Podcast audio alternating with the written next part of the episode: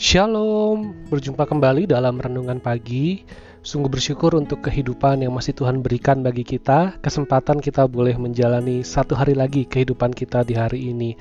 Mari bersama-sama kita mengawali pagi kita dengan merenungkan firman Tuhan. Kita perhatikan dari kitab Yeremia pasal 29 ayat 8 sampai 11. Yeremia 29 ayat 8 sampai 11. Sungguh beginilah firman Tuhan semesta alam Allah Israel.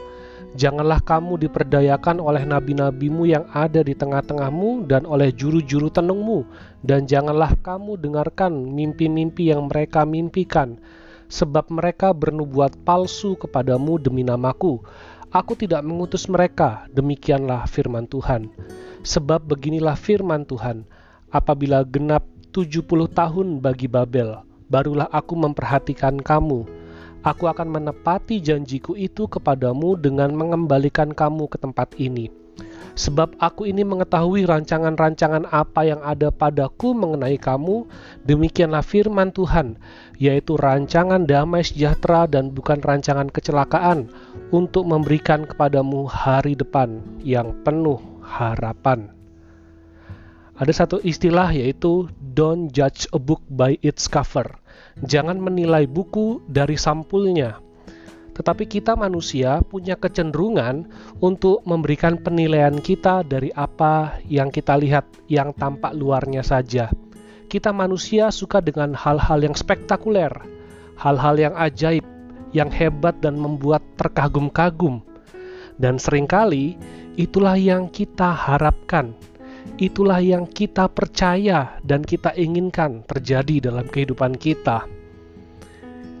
Hal tersebut juga terjadi di dalam masa pembuangan orang Yahudi di Babel.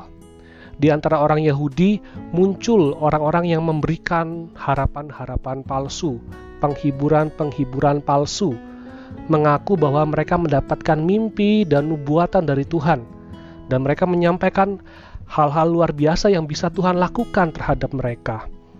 Saya membayangkan mungkin ada di antara para nabi-nabi palsu ini berkata demikian, Tuhan akan menulahi Babel seperti Tuhan menulahi Mesir.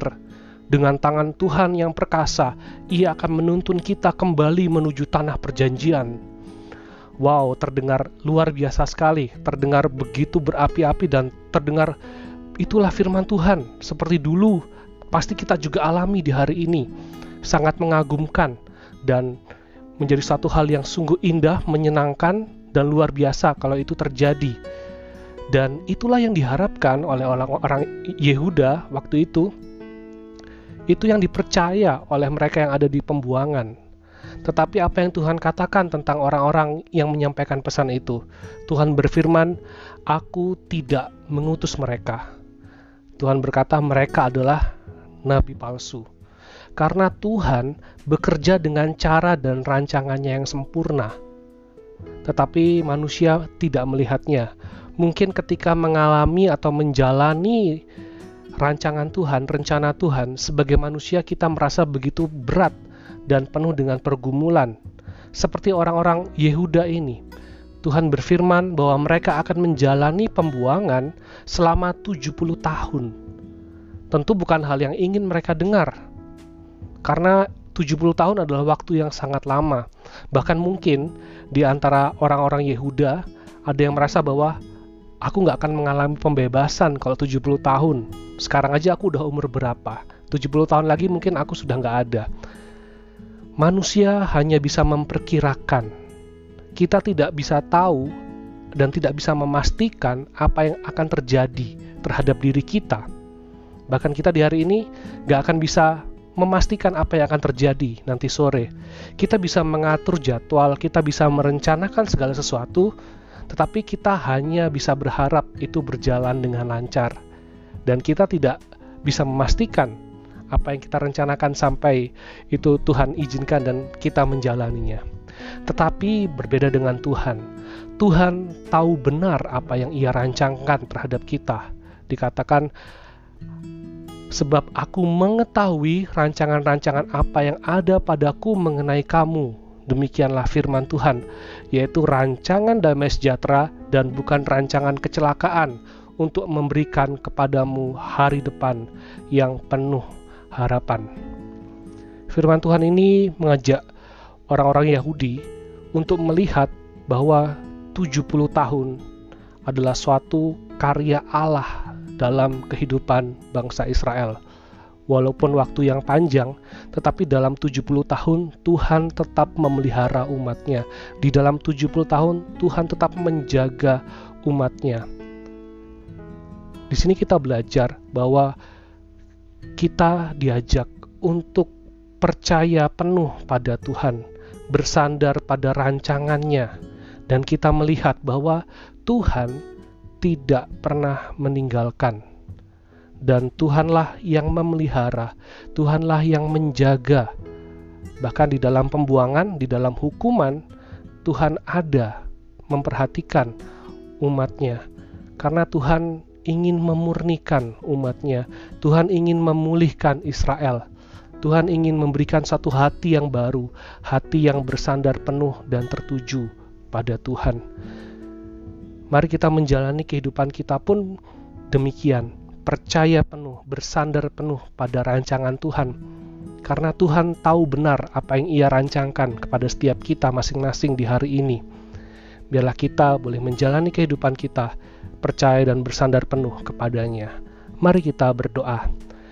Kami datang kepadamu ya Tuhan, bersyukur untuk setiap kesempatan yang Tuhan izinkan kami alami yang terjadi dalam kehidupan kami suka duka silih berganti, tetapi di dalam itu semua kami tetap melihat akan kasih Tuhan ada menaungi kami.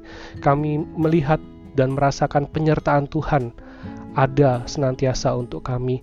Kami melihat akan pemeliharaan Tuhan yang ajaib yang mungkin tidak kami duga, tetapi itu kami boleh rasakan.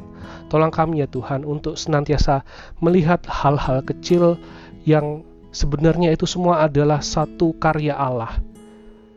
Tolong kami ya Tuhan untuk kami percaya pada Tuhan sungguh-sungguh, penuh bersandar padamu, bukan hanya mengharapkan hal-hal besar, tetapi kami boleh mensyukuri setiap hal-hal kecil yang Tuhan izinkan terjadi, karena melalui itu semua kami boleh melihat tangan Tuhan yang senantiasa ada untuk setiap kami. Kami mau percaya dan bersandar penuh kepadamu ya Tuhan, sebab Engkau sungguh mengenal kami. Engkau, engkau tahu apa yang Engkau lakukan untuk setiap kami, dan itu adalah satu hal yang baik bagi kami. Biarlah kami ya Tuhan boleh sungguh-sungguh percaya dan bersandar penuh kepadamu, melihat akan rencana Tuhan, apa yang Tuhan ingin kerjakan dalam kehidupan kami, dan biarlah hati kami ya Tuhan senantiasa boleh terus diperbaharui, hati kami boleh terus dipulihkan.